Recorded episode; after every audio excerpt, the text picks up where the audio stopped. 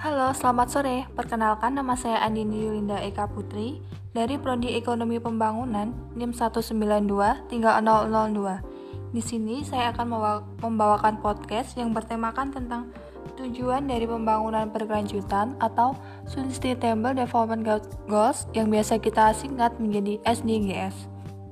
Langsung saja, kita yang ke pertama SDG poin 01 yaitu tujuan ini berbicara tentang meningkatkan pendapatan bagi penduduk miskin, menjamin akses terhadap pelayanan, dan, pelayanan dasar, dan melindungi seluruh masyarakat dari segala bentuk bencana. Kemudian, mengapa SDG 1 ini penting bagi pemerintah daerah? Karena SDG 1 menggunakan berbagai sudut pandang untuk menggambarkan kemiskinan dan karenanya membutuhkan berbagai tanggapan yang terkoordinasi pemerintah daerah berada pada posisi yang ideal untuk dapat mengidentifikasi masyarakat yang hidup dalam kemiskinan dengan lebih dekat. Kemudian memberikan sumber daya dan pelayanan untuk membantu membebaskan mereka dari kemiskinan secara tepat sasaran. Tanggung jawab kita terkait pelayanan dasar yang bersifat lokal, seperti air dan sanitasi, menjadikan kita sebagai mitra utama untuk mencapai SDG 1 ini kita juga dapat memainkan peran penting untuk mengentaskan kemiskinan dengan mengembangkan strategi pengembangan ekonomi lokal, meningkatkan pendapatan, dan membangun ketahanan masyarakat terhadap potensi-potensi bencana. Kemudian, apa aja sih target dari yang berkaitan dengan pemerintah daerah? Targetnya ada empat.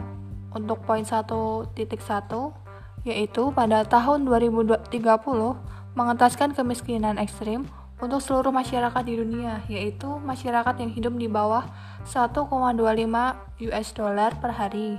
Kemudian poin 1.2 pada tahun 2030 mengurangi setidaknya setengah proporsi laki-laki, perempuan, dan anak-anak segala usia yang hidup dalam segala dimensi kemiskinan berdasarkan pengertian nasional.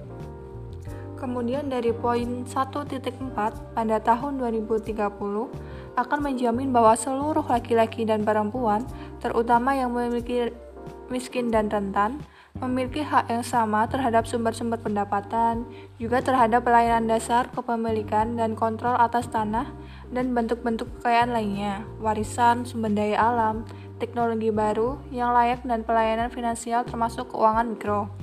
Kemudian ada yang terakhir, poin 1.5. Pada tahun 2030, membangun ketahanan masyarakat miskin dan yang berada dalam situasi rentan, serta mengurangi ter keterpaparan dan kerentanan mereka terhadap kejadian-kejadian ekstrim terkait perubahan iklim maupun bencana dan tekanan ekonomi, sosial, dan lingkungan lainnya. Itu saja sedikit paparan podcast dari saya tentang SDG. Mungkin bila ada salah kata mohon maaf. Wassalamualaikum warahmatullahi wabarakatuh.